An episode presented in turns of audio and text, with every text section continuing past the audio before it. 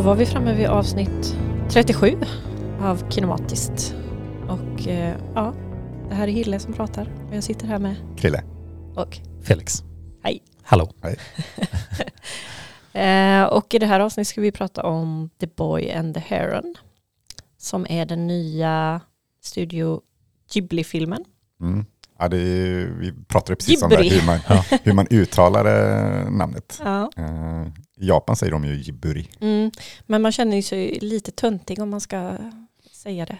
Ja, och eftersom det också är ett italienskt ord som, het, som är Ghibli Ghibli, ja. så känns ja. det ju inte fel att säga Ghibli ändå. Nej, nej. När det kommer därifrån. Nej, då, då, för det, ja, då blir man verkligen lite så här, jag kan lite för mycket men inte i rätt kontext. Eller liksom, ja, det blir Ja. fel sätt sak att säga rätt liksom, Ja. för man säger inte riktigt fel. Mm. Precis. Ja, nej precis. Det är bara mer så här, jag kan lite mer än dig. Liksom. Är det är cul- gibberish. cultural appropriation att säga Jiburi? ja, Kanske. Ja. Ja, Så vi säger Ghibli, för enkelhetens skull kanske. Ja. det gör vi.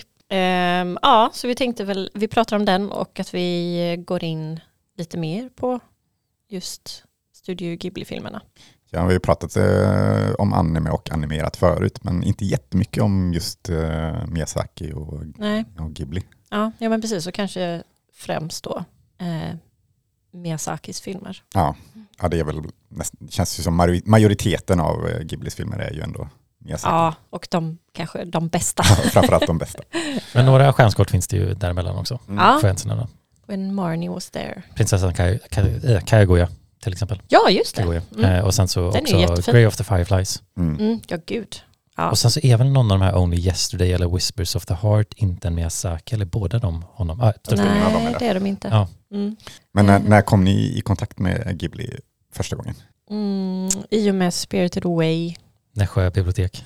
Nej, jag, jag minns faktiskt inte hur jag såg den. Men jag minns att det var den första filmen jag såg i alla fall. Och det var väl för att det känns som att Ghibli-filmer blev populärt i Sverige i och med Spirited Away. Ja, I västvärlden i stort egentligen. ja, Ja. Ehm, tänker mycket tack vare den Oscar den fick. Mm. Mm. För bästa utländska, va? Ja, nej, bästa animerade var det. Ja, det var animerade. Ja. Mm.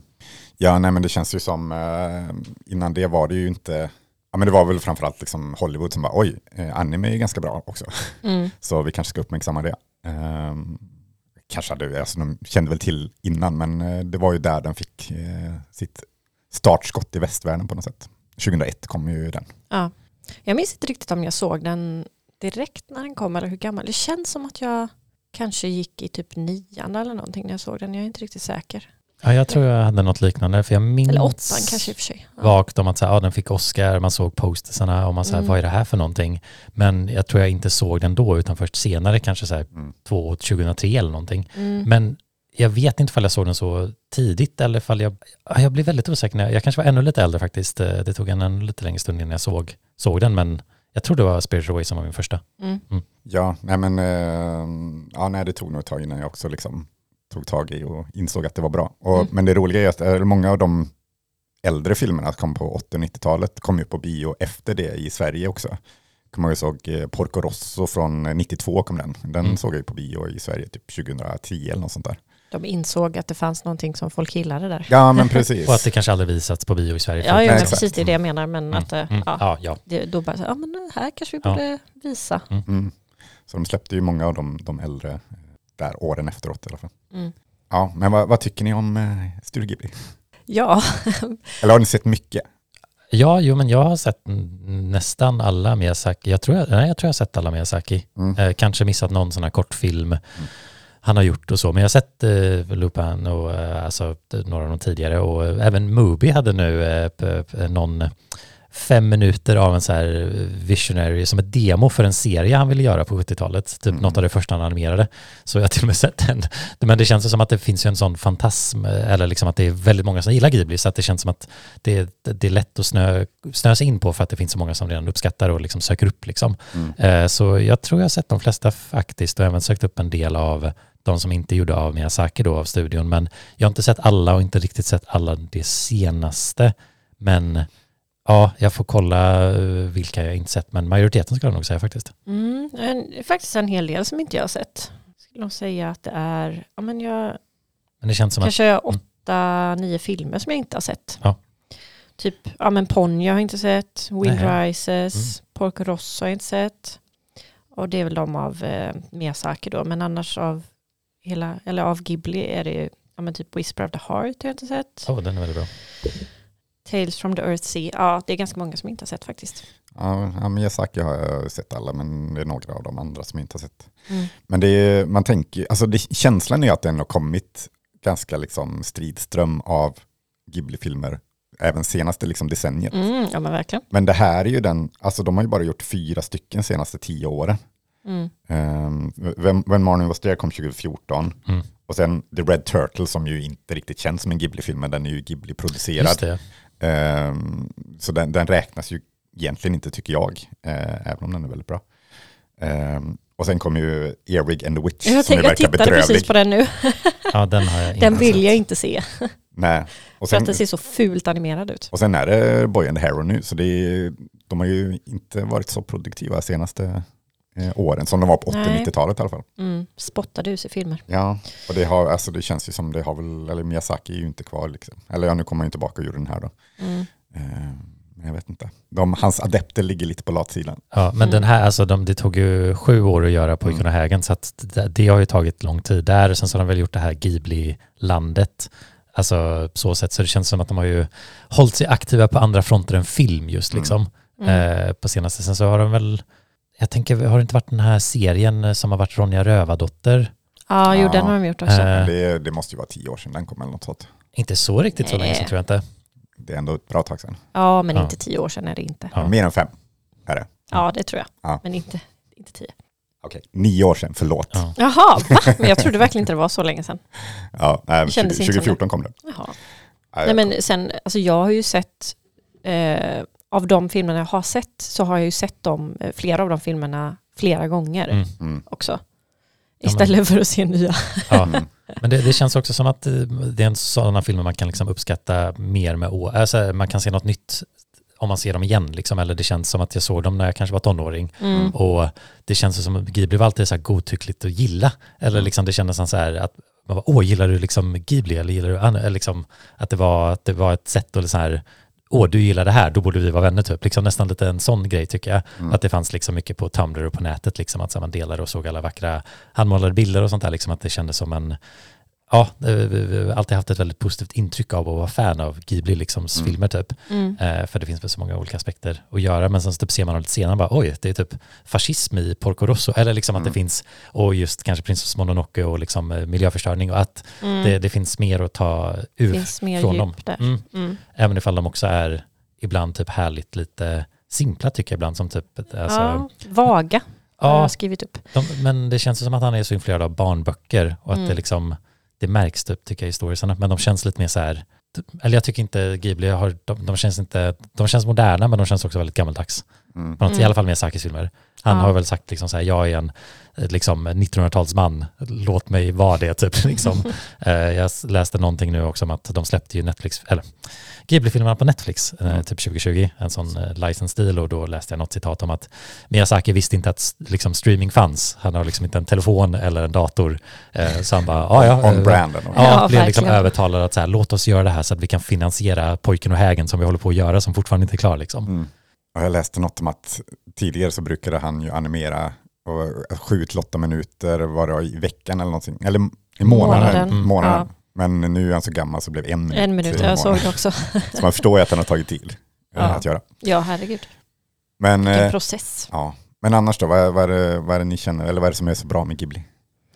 Ja, men det, det känns som att det är så mycket, alltså animationen är ju otrolig. Och jag kommer att tänka på nu, det har vi pratat om för att maten alltid ser så god ut Ja. i Ja, Ghibli. det har vi varit inne på. Ghibli-filmer. Mm. Eh, nej men alltså det är ju, det är väl också att det är någonting helt annat än andra animerade filmer man brukar se. Mm. Om man ska jämföra med Disney till exempel så är det ju verkligen som natt och dag. På så många sätt, i både liksom stil i animationen men också storymässigt och berättartekniken och musiken och allting Mm. är ju verkligen helt annorlunda. Och jag, ty- jag tycker att det är väldigt mycket mer fantasieggande än till exempel Disney-filmer då. Mm. Ja, det är någonting, oftast något väldigt magiskt över Studio Ghibli-filmer. Ja, och jag tänker den magin kanske lite också kommer från att jag växte i alla fall inte upp med att se, eller jag såg väl på Pokémon lite anime såg jag som barn, men jag såg ju inte Ghibli-filmerna och liksom lärde ju mig inte kanske japanska berättelser, även för de här är influerade av många västerländska barnhistorier också, så Mm. känns det ju definitivt distinkt annorlunda. Att det är liksom, de filmerna är lite som att man får ha nostalgi till en fantasivärld man inte växt upp med. Mm. Det blir lite den här foreign nostalgia, eller något inte att det är en term, men bara för att förklara vad jag menar. Eh, Att det känns som att eh, det, man får upptäcka något nytt på ett barnsligt sätt, men någonting som man känner som äldre. Och jag tror det lockar för mig mycket att det känns som att det är världar som man lite kan köpa sig in i eller liksom faktiskt kö- bli lite uppsvalt över än ifall jag skulle se en ny Disney-film som ja, det känns som att de inte lägger lika mycket tid på en världsbyggande aspekt liksom. Mm. Eh, och det, det, det tror jag lockar mycket för mig, eller just som att man fastnar vid dem lite när man är tonåring, att så här, åh, här får jag se någonting som påminner mig om barnfilmer, men är distinkt annorlunda typ liksom. Och japanskan och språket, alltså att det blir ju en viss, det känns annorlunda liksom. Ja, För att jag det är från en annan kultur. i Disney, Disney-filmerna så känns det som att där är det låtarna som är mer, alltså liksom, ja, som fastnar för en, i alla fall när man var liten kanske. Eh, och att det var liksom grejen oftast.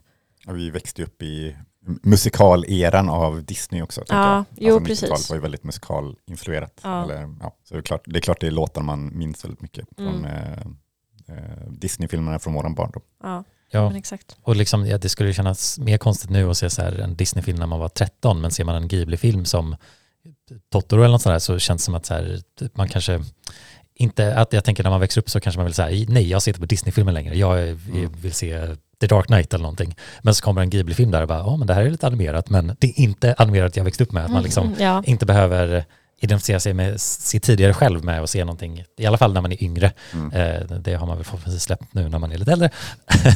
eh, men ja, nej, det, för mig är det definitivt världsbyggandet och bara världen och eh, annat. Det är väl också något med, eller det är väl därför den, vad heter det nu, eh, Earwig The Witch-filmen. Men just att de kör på 2D animerat, förutom den då, som ju, det är väl därför alla hatar den tänker jag, för man är så här, nej, eh, Ghibli ska vara 2D animerat. Ja, det ska liksom. det. Det ska det vara. Ja, Ehm, och det är, ju, det är ju något med det handmålade som är, alltså det är ju liksom, man ser att de lägger in vissa datagenererade grejer, men, men det, det stör inte um, allt för mycket.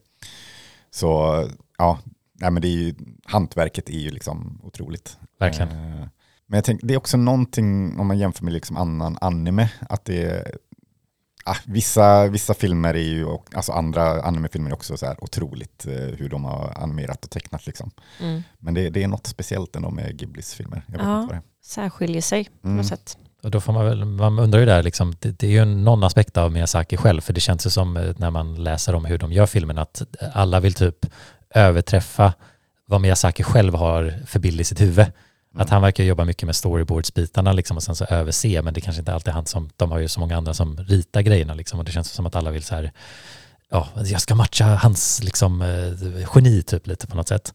Eh, att eh, om- det låter ju typ på ett sätt hemskt också att det ska vara en sån boss av det hela, men om det är så att det blir något igenkännande, att vad heter det, han faktiskt får styra lite visionen liksom. Mm. Att det brukar ju ge, att det blir någon liten känsla som hålls kvar filmerna emellan liksom.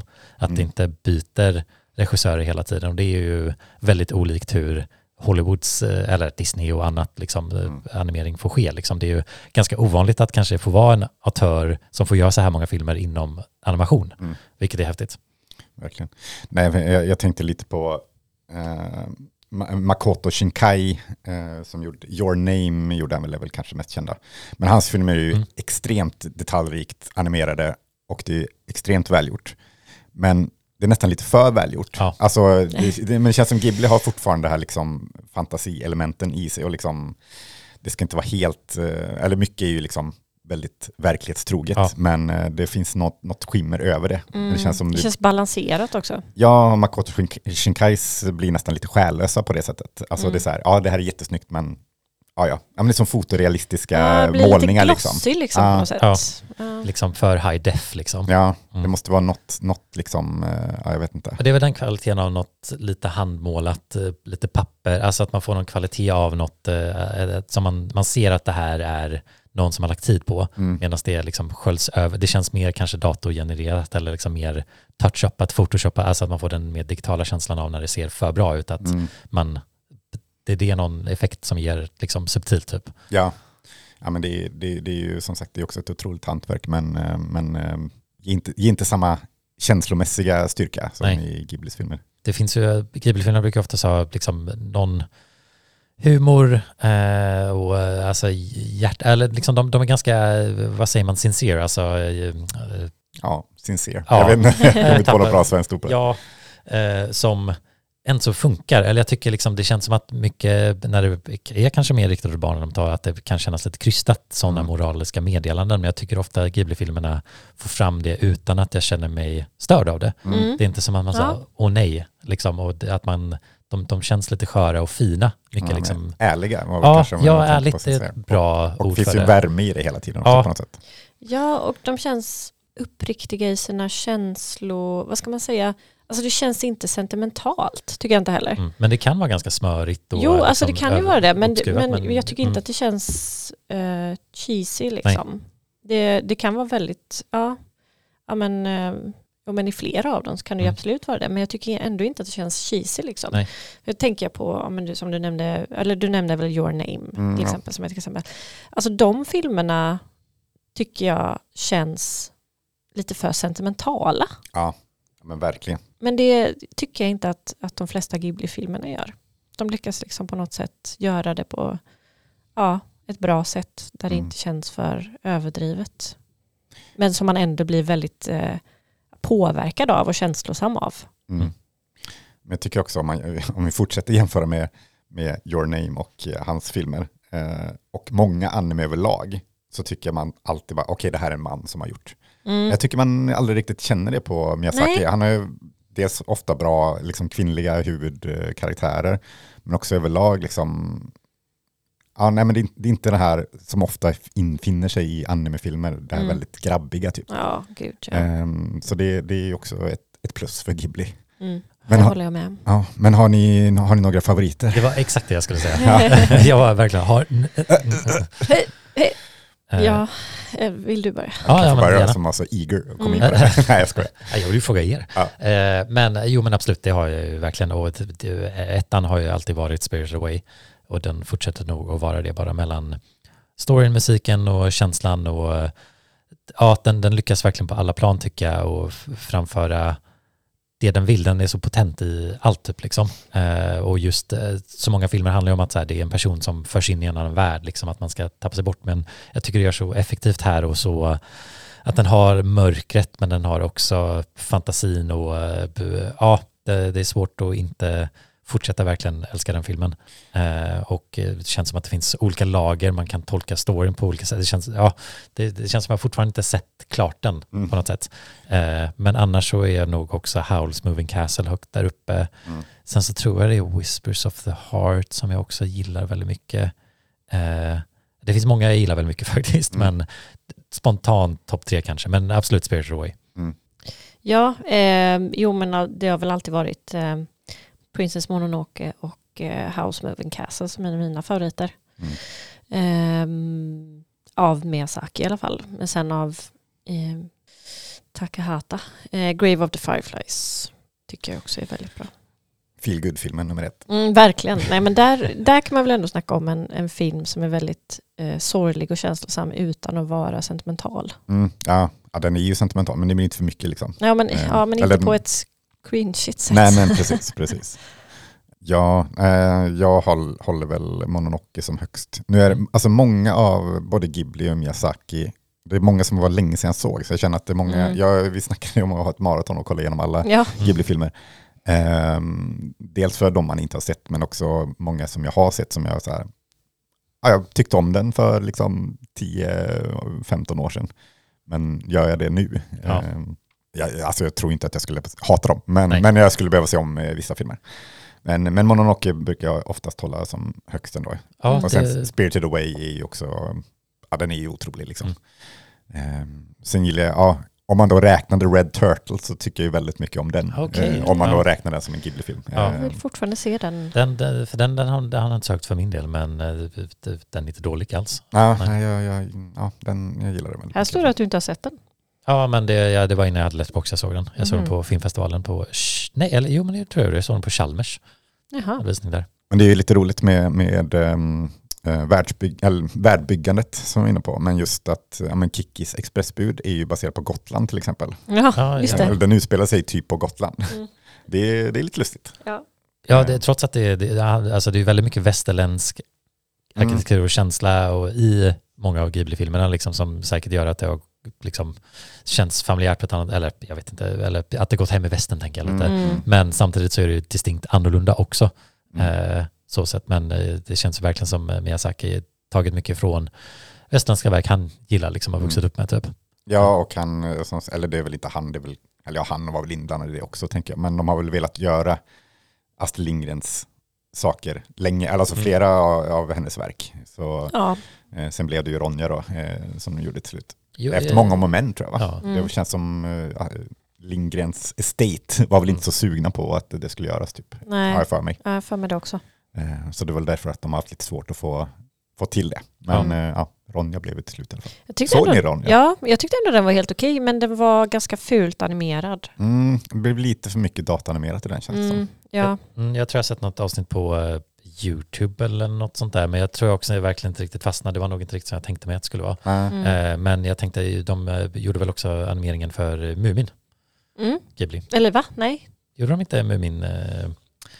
Eh, Eller den nya Mumin? nej, nej, nej, gammalt, alltså från typ eh, vår barndom. Liksom, Jaha, så här, en nej, det tror jag jag tror det är inte. någon annan studio. Okej, Ja. ja. det var för mig att det var något med Ghibli, men jag kan ha... Det, Men, men jag, jag, eller man tänker ju ofta att Mumin och Ghibli borde, de, Ja, de borde ju verkligen Det känns gå som hand att i det hand. kan liksom. gå hand i hand, ja.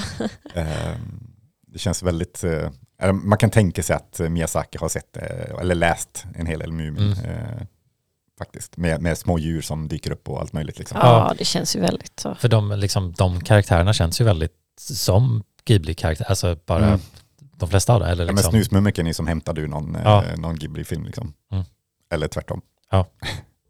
Jag tänkte på när jag eh, googlade på eh, The Boy and the Heron så såg jag att den första frågan som stod så här som folk har googlat på var What was the point of the boy and the heron?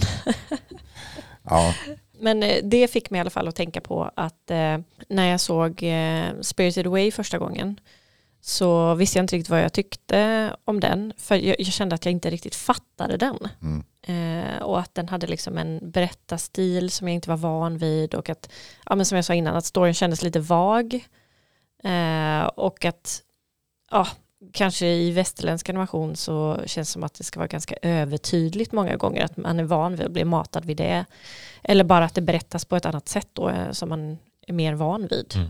Ja, nej, jag, bara, jag, kom, ihåg- jag bara fick den lite den samma känslan när jag såg den meningen Mm. som jag fick när jag såg eh, Spirited Away första gången. Ja, men det är väl lite som du var inne på, att det känns som, inte bara att man kan se dem som vuxen, att man nästan måste se hans filmer som vuxen. För det är, så, Mm. det är så många lager som man inte kan, och se dem flera gånger också. För det är Ja. så svårt att liksom Ja. bena ut allting. Ja, och speciellt att de kan sluta ganska abrupt. Och att, eller, liksom, eh, eller, eller kanske att man kan känna en känsla av så här, vänta, va? Eller liksom lite så. Men ja, det är svårt att veta så här, effekten av berättartekniken, att man inte är van vid det, eller liksom något tematiskt tema som har varit väldigt framträdande men man inte plockat upp på syftet liksom kring. Mm. Så det känns absolut som att det, man kan ju nog göra ganska djupgående analyser och jag känns som att jag har läst lite om just Spiritual Away, om hur det handlar om här vatten, eh, eh, draken och, eller eh, själen eller spiriten, liksom, att det finns en underliggande story kring det som, är, som jag inte alls hade plockat upp någon gång jag hade sett den.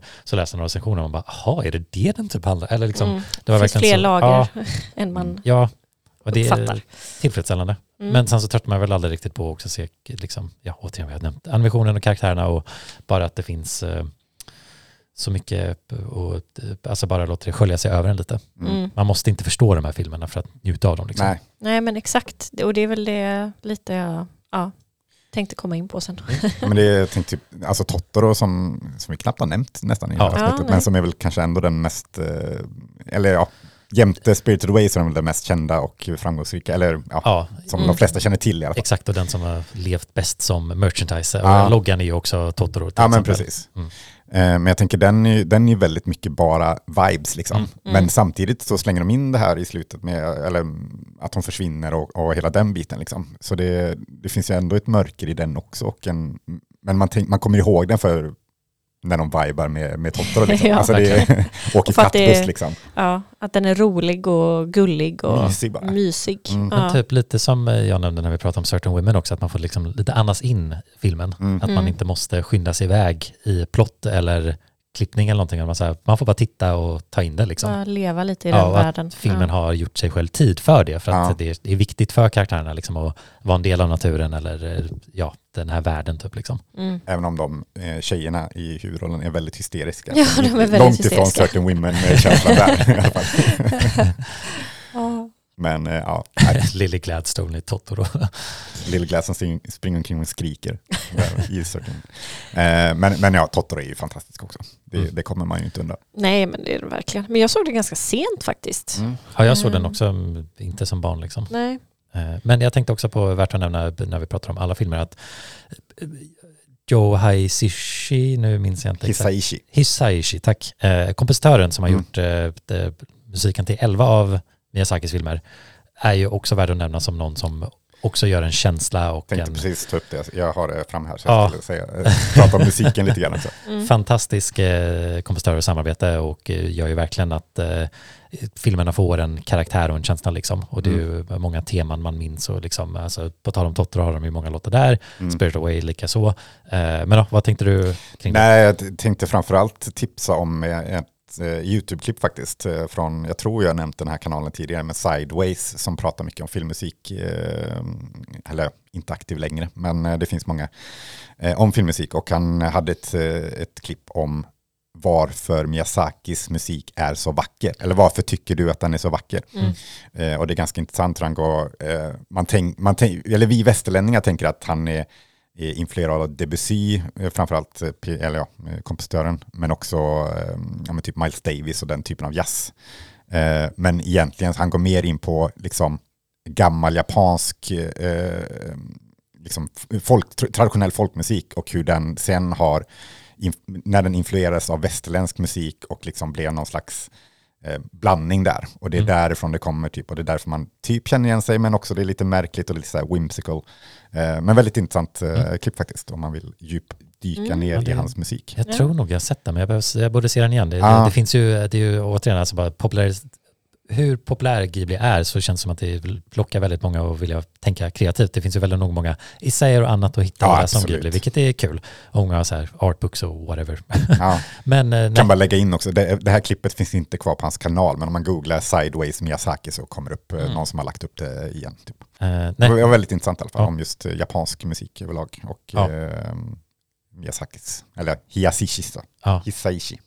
Ja, Hisaishi. Ja. Hisaishi. Men eh, för annars är ju liksom den eh, öppningslåten till eh, Spirit Away One Summer Day eh, och eh, ja, en av de bästa filmmusiklåtarna tycker jag nog, eller liksom, ja, fantastisk, Mm. Mm. verkligen. Ja, det, sätter, stämmen, stämningen väldigt bra. Mm. Ja, men det, det, musiken hjälper of- ofta till med det här som vi var inne på, det här li, lite magiska, lite Mm. liksom, Det hjälper. väcker känslor. Ja, det gör det verkligen. Men också, det låter ju också, det lät typ det här du sa med att det påminner men också inte riktigt. Det var ju Mm. lite så som jag sa också att så här, här är liksom västerländska kontext men ur ett annat perspektiv som också skapar den lite magiska känslan av att det finns något som man inte riktigt förstår men som är väldigt familjärt. Mm. Mm. Verkligen. Ja. Vi säger bara, va? Vi kollade ju att Ghibli, som sagt det var ett italienskt ord, som betyder, vad, vad, vad sa vi nu? Varm ökenvind. Just det, Mm. något sånt.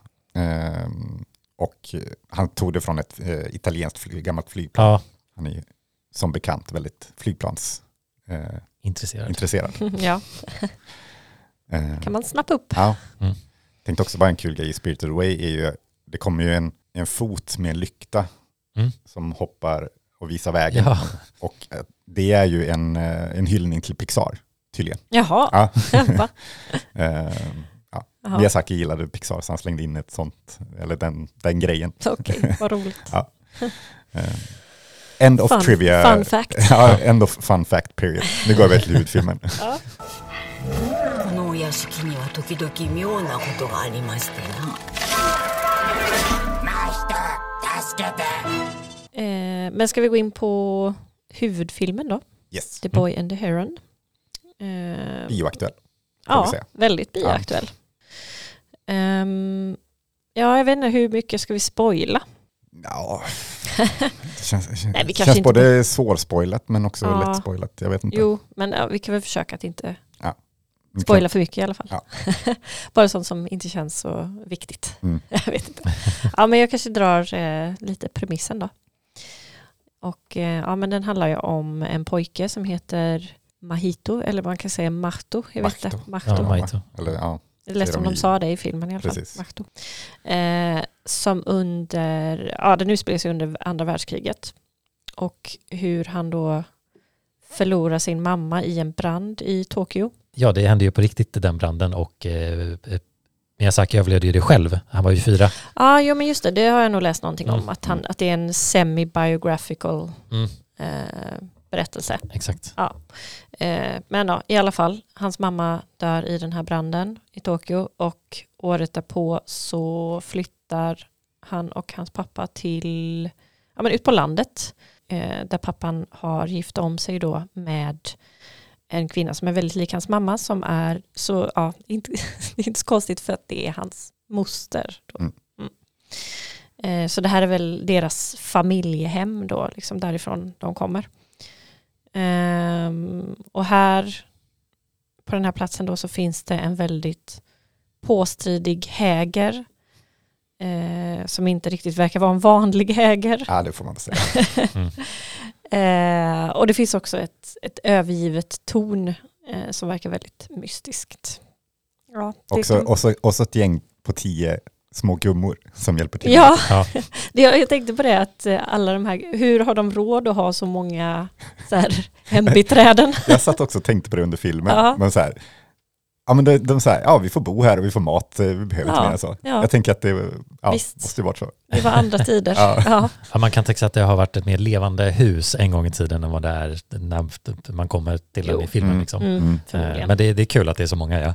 Det är verkligen Mm. en, en, en De hord av dem. de är väldigt söta. Ja, för det är, väldigt roliga. Bara på tal om dem också, det är så kul, alltså bara direkten att, för det känns som att den här filmen börjar med det här mörkret och den här branden och liksom det är väldigt vackert animerat och effektfullt tycker jag. Men sen så typ, och så kommer man till den här eh, landsbygdshuset och det, liksom, det är ganska avskalat och liksom vackert men stiligt. Men så kommer de här gummorna som känns så mycket mer cartoonish liksom Mm. och f- liksom, man får lite den här, men okej det är en Ghibli-film liksom, det finns Ja. något Ja. lite, ja. Man känns som väsen mer än, än Ja, människor. Liksom. Men också som eh, karikatyrer. ja. Mm, men jag, jag älskar också att det känns som att båda får existera. Att liksom Miyazaki ser det inte som att så här, nej, det här är ett tonalt problem, att jag har det här som känns väldigt allvarligt och det som känns väldigt eh, Mm. lekfullt. Att liksom båda får existera. Jag uppskattade det på direkten bara när jag såg att de sa, men va, de här ser inte alls ut som de andra människorna i den här filmen. Nej, och det är väl, det är väl eh, något som, om man går in på det direkt, då, men att, att den här filmen är väl, det är liksom en, eh, mashup av alla hans tidigare filmer. Liksom. Mm. Eller man, han har ju liksom, eh, det är väl en hyllning till hans egna filmer typ.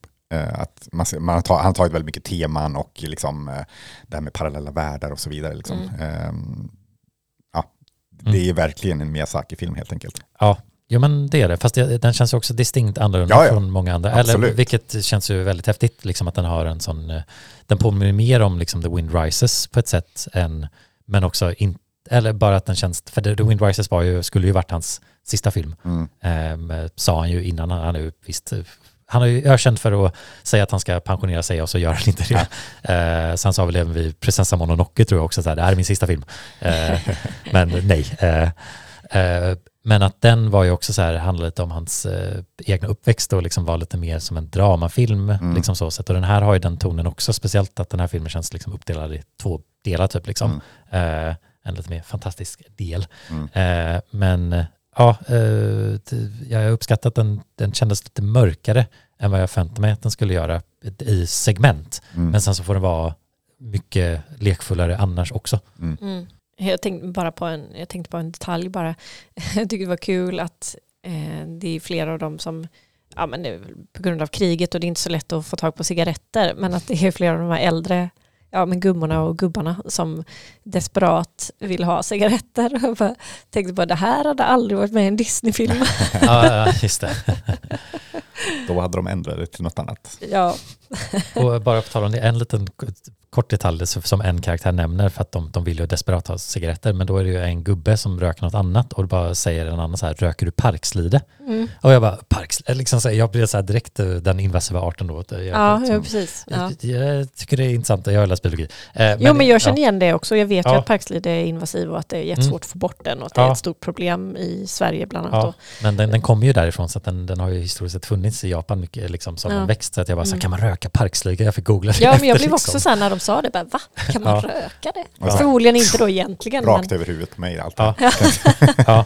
Men det, det var bara en sån liten detalj som jag verkligen uppskattar. Eh, Ja, jag förstår det. Men eh, kan också, jag tänker, vi har ju pratat lite om storyn, men den, vad jag för, nu har jag läst, när jag har läst om filmen så har jag förstått att den är baserad på två böcker Mm. eh, och även då hans tidigare verk som du nämnde. Mm. Men att det är, den heter ju något annat på japanska.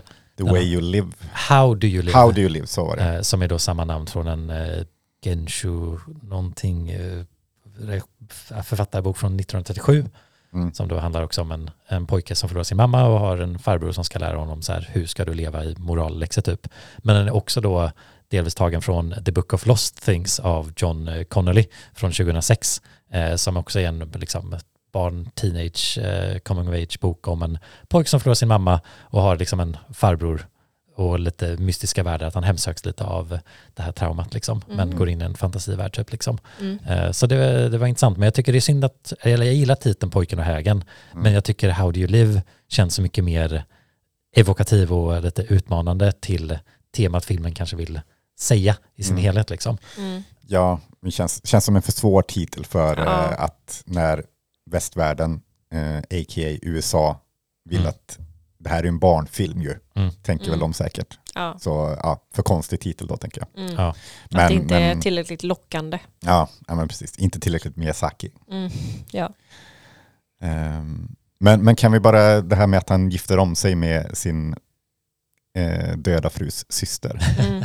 Alltså, jag, jag bara så här, I guess det var något man gjorde då, men det känns Ja, väldigt jo. märkligt. Jo, men, det- ja. jo, det känns ju som något man gjorde ganska ofta förr. Mm. Eller ja, ofta vet jag inte, men det kändes som att det var vanligt ändå. Ja. Mm.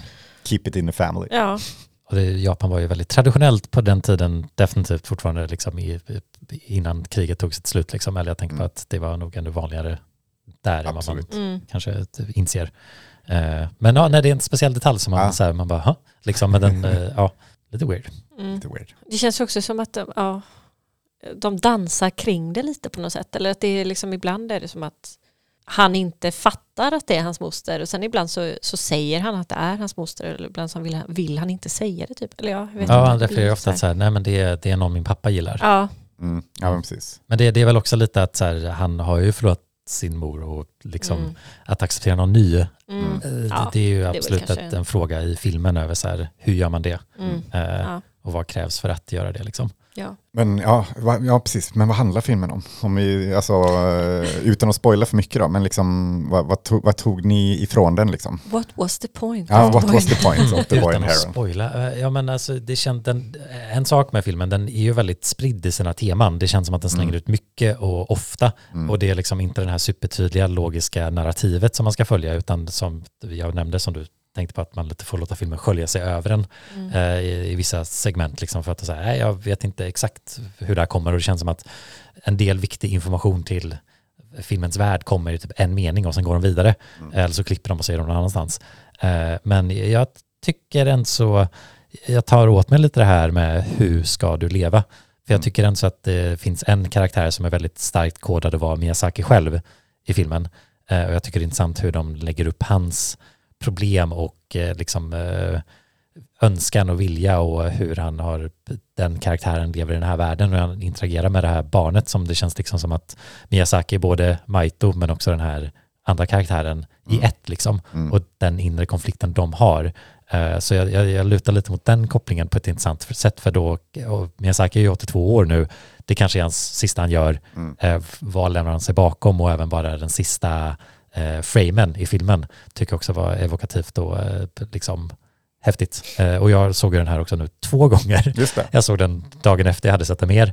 Eh, så att det kändes som att eh, ja, jag, det var vissa saker som jag fick dra åt mig lite till på ett, eh, trevligt sätt som jag inte riktigt kände att jag hängde med i första varvet. Mm. Även ifall första gången jag såg den så var det, var det mer känsla av att upptäcka eh, vilket var häftigt. Den, den är väldigt fantasifull och Mm.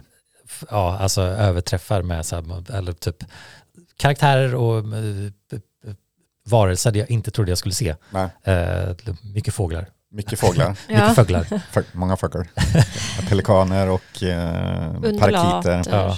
och eh, andra djur också. Och självklart en gråhäger. Och en gråhäger. Mm. Om det nu är en häger. Mm.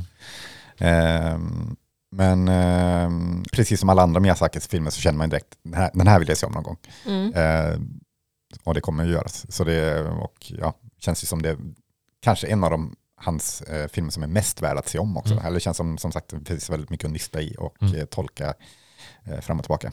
Och Ja. eftersom det som sagt eh, händer så mycket i den så eh, första gången som du säger är det mer bara så här, wow, det, det bara händer saker. Ja.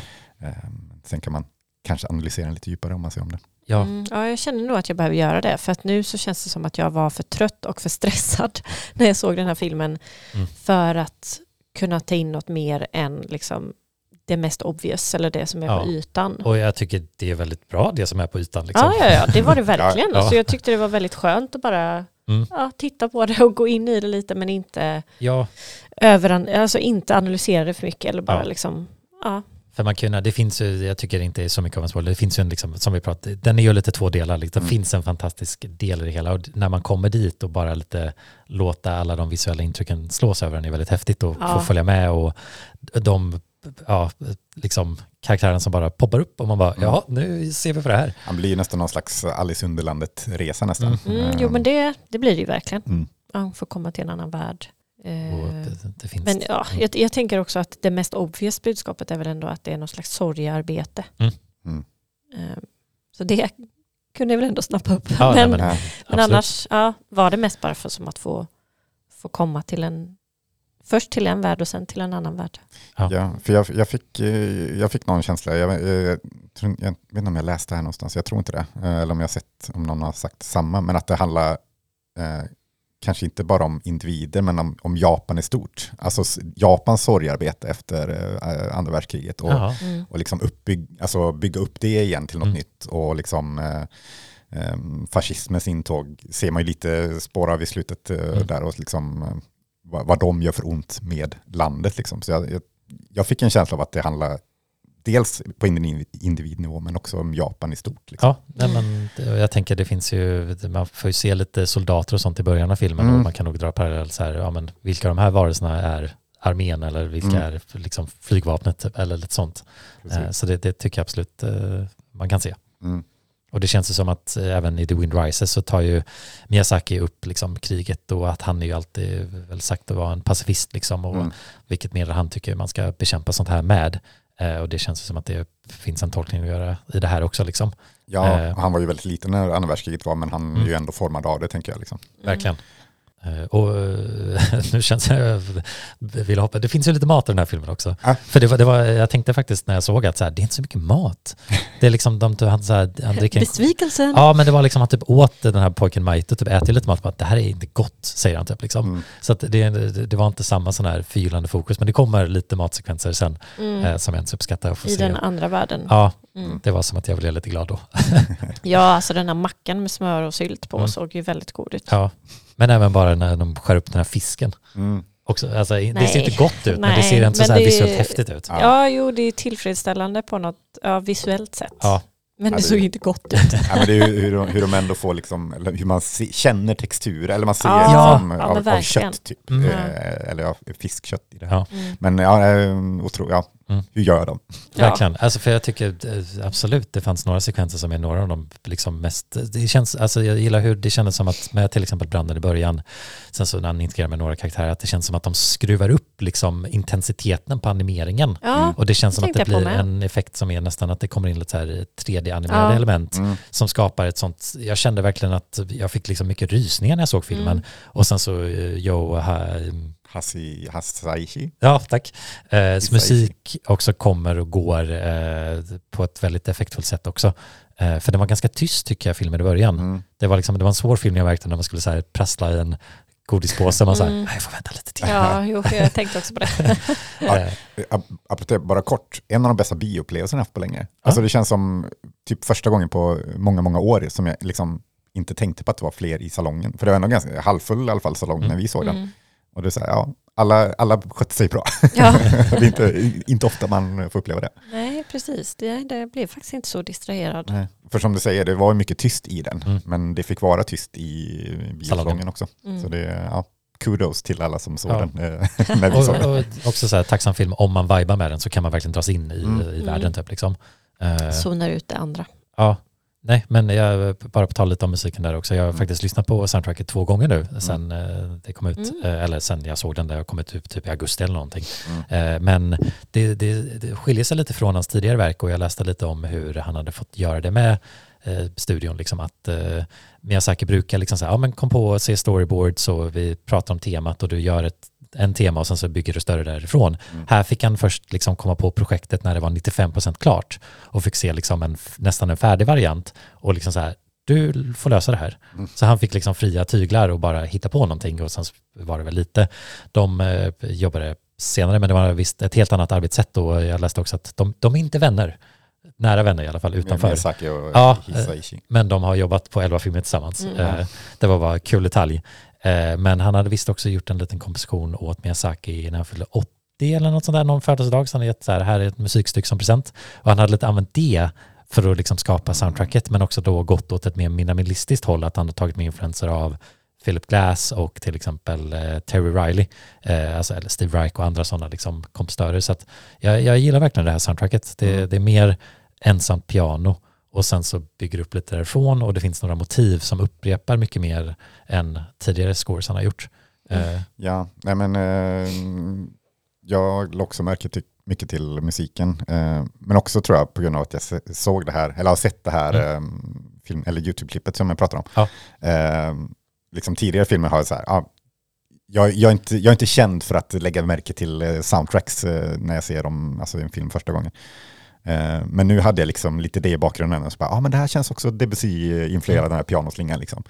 Ehm, så det, det, var, det var nog kul och väldigt bra, väldigt bra musik. Ja. Ehm, Jo, men jag, jag såg den med min kompis Liva, hon sa också, att, eller jag vet inte om det stämmer eller inte, men hon var direkt så här, men märkte du när det var lite Moonlight så nära i en Mm. scen där månen trädde fram, Mm. liksom, bara som en liten referens liksom Mm. typ. Eh, och det, det plockar inte jag. Men jag, ja, bra musik. bra Ja. musik. Ja, kan bara hålla med. Ja. Har, vi, har vi satt något betyg? Du har ju två, gånger på, eh, två, ja, två chanser på dig att sätta betyg. Ja, jo, men jag, jag väntade faktiskt tills jag hade sett den en gång till bara för att sätta ett betyg. Och, eh, för mig blev det faktiskt en fyra och en halva. Jag Ja. kände att det, Mm. var, det var för lågt med en fyra kände jag, men det var som att jag önskade kunde ge den så här 4,2. Eller liksom, en, liksom bara så här ett sånt litet dumt elegant eh, betyg liksom, men det fick bli en fyra och en halva. Eh, även ifall, ja, jo men jag, jag tror nog inte det. det. Det kändes som att den, den höll upp andra gången också, även ifall den kändes mer upptäckande som sagt första gången, men det är väl naturligt. Mm. Mm. Ja, nej, men jag satte en fyra. Ehm, ja, jag kanske måste se den en gång till om jag skulle sätta ett högre betyg. Men eh, ja, en Mm. stabil fyra. Japp. Jag gillar den väldigt mycket. Mm. Ja, jag har sett också en fyra. Ehm, känns kanske hans bästa sen typ Spirited Away nästan.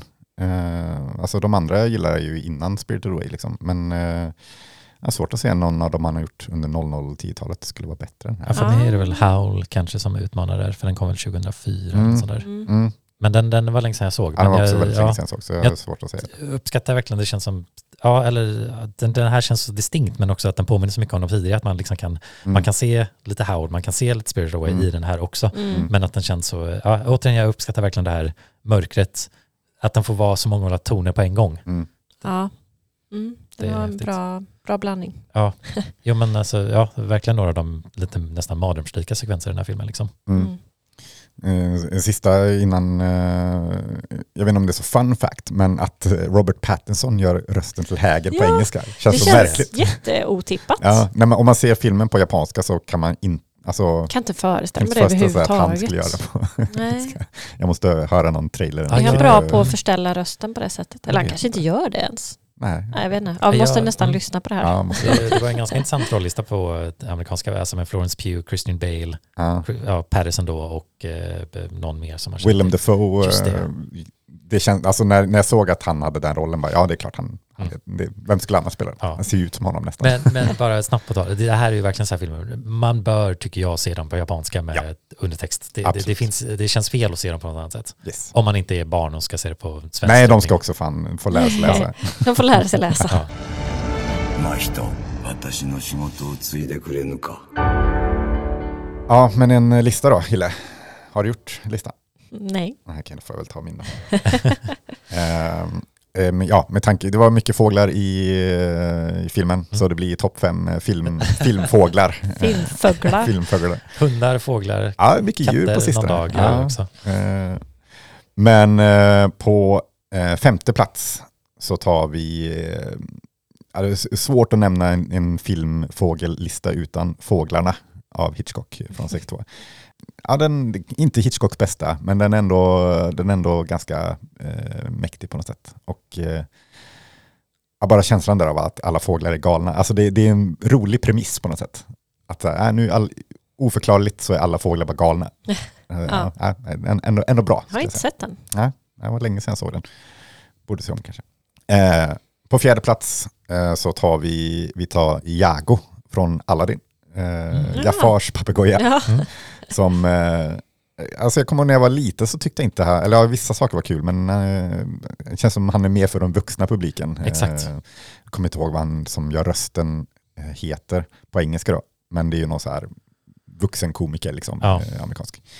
Ehm, ja men eh, han, han, han håller, han är bra, han är kul.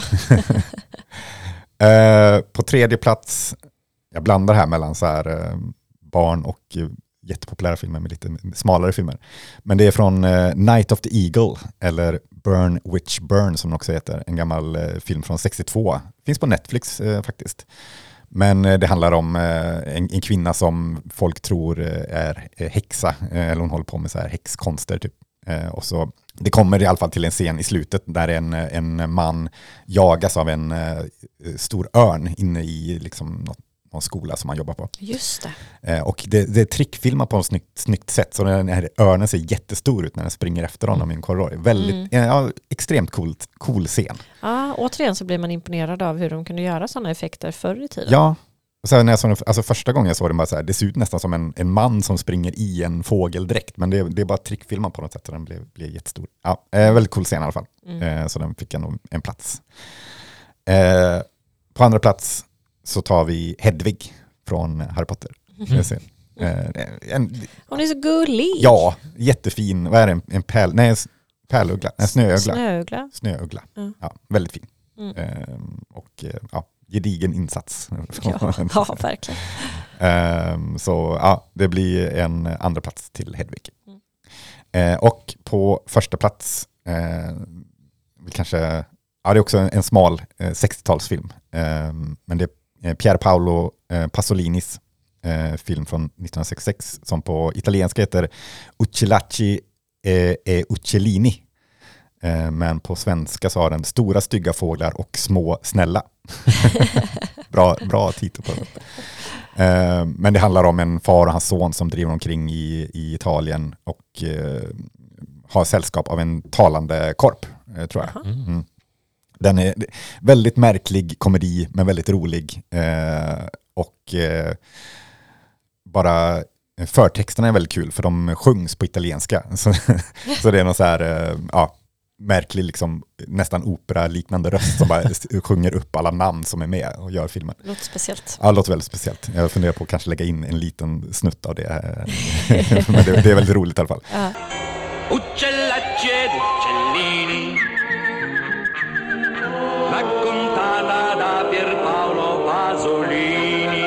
Jag sätter någon slags tonen eh, på, ja, sen blir man så här, någon, någon, märklig surrealistisk slapstick-resa de gör typ genom Italien. Mm.